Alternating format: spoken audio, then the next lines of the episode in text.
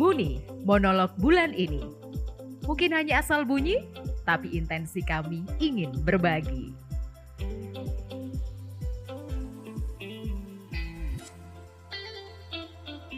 Iya, saya dulu pernah di waktu SMP itu ditanya soal iman sama teman saya yang non Katolik.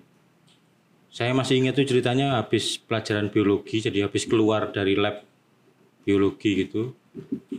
Namanya Sulaiman. Teman saya itu namanya Sulaiman. Dia nyapa saya, "Hei Yudit." Saya balas, "Hei Nabi." saya masih ingat itu dia, eh, saya itu lagi keluar dari lab itu kan pakai sepatu. Saya duduk pakai sepatu tuh.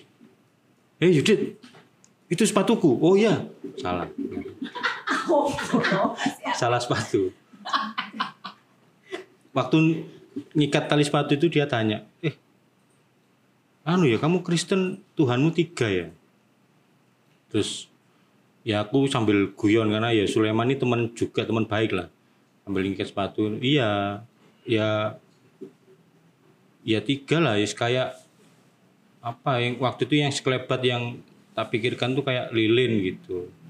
Kayak lilin tuh kan ada batang lilinnya ada cahayanya ada apinya. Ya itu tiga itu yang yang yang terbayang. Tapi lalu semakin ke sini semakin dewasa lalu ya saya juga baru uh, paham bahwa ternyata uh, untuk menggambarkan Trinitas itu ada dua analogi itu analogi material sama analogi spiritual.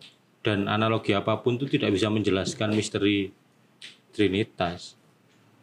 Yang analogi material itu biasanya ya itu ya lilin ada yang kopi ada yang macam-macam lah kalau yang analogi spiritual itu biasanya dipakai itu apa warna putih. Warna putih itu kan tiga unsur.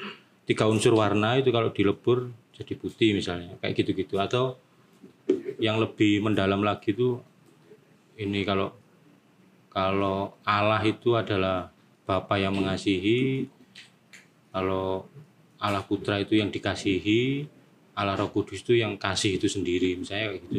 Tapi ya itu yang yang aku pelajari bahwa analogi material apa pun, secanggih apa pun dan analogi spiritual sedalam apa pun tetap tidak akan bisa menjelaskan Trinitas itu secara sempurna karena justru di situ letak misterinya. Maka kita beriman pada misteri Trinitas itu.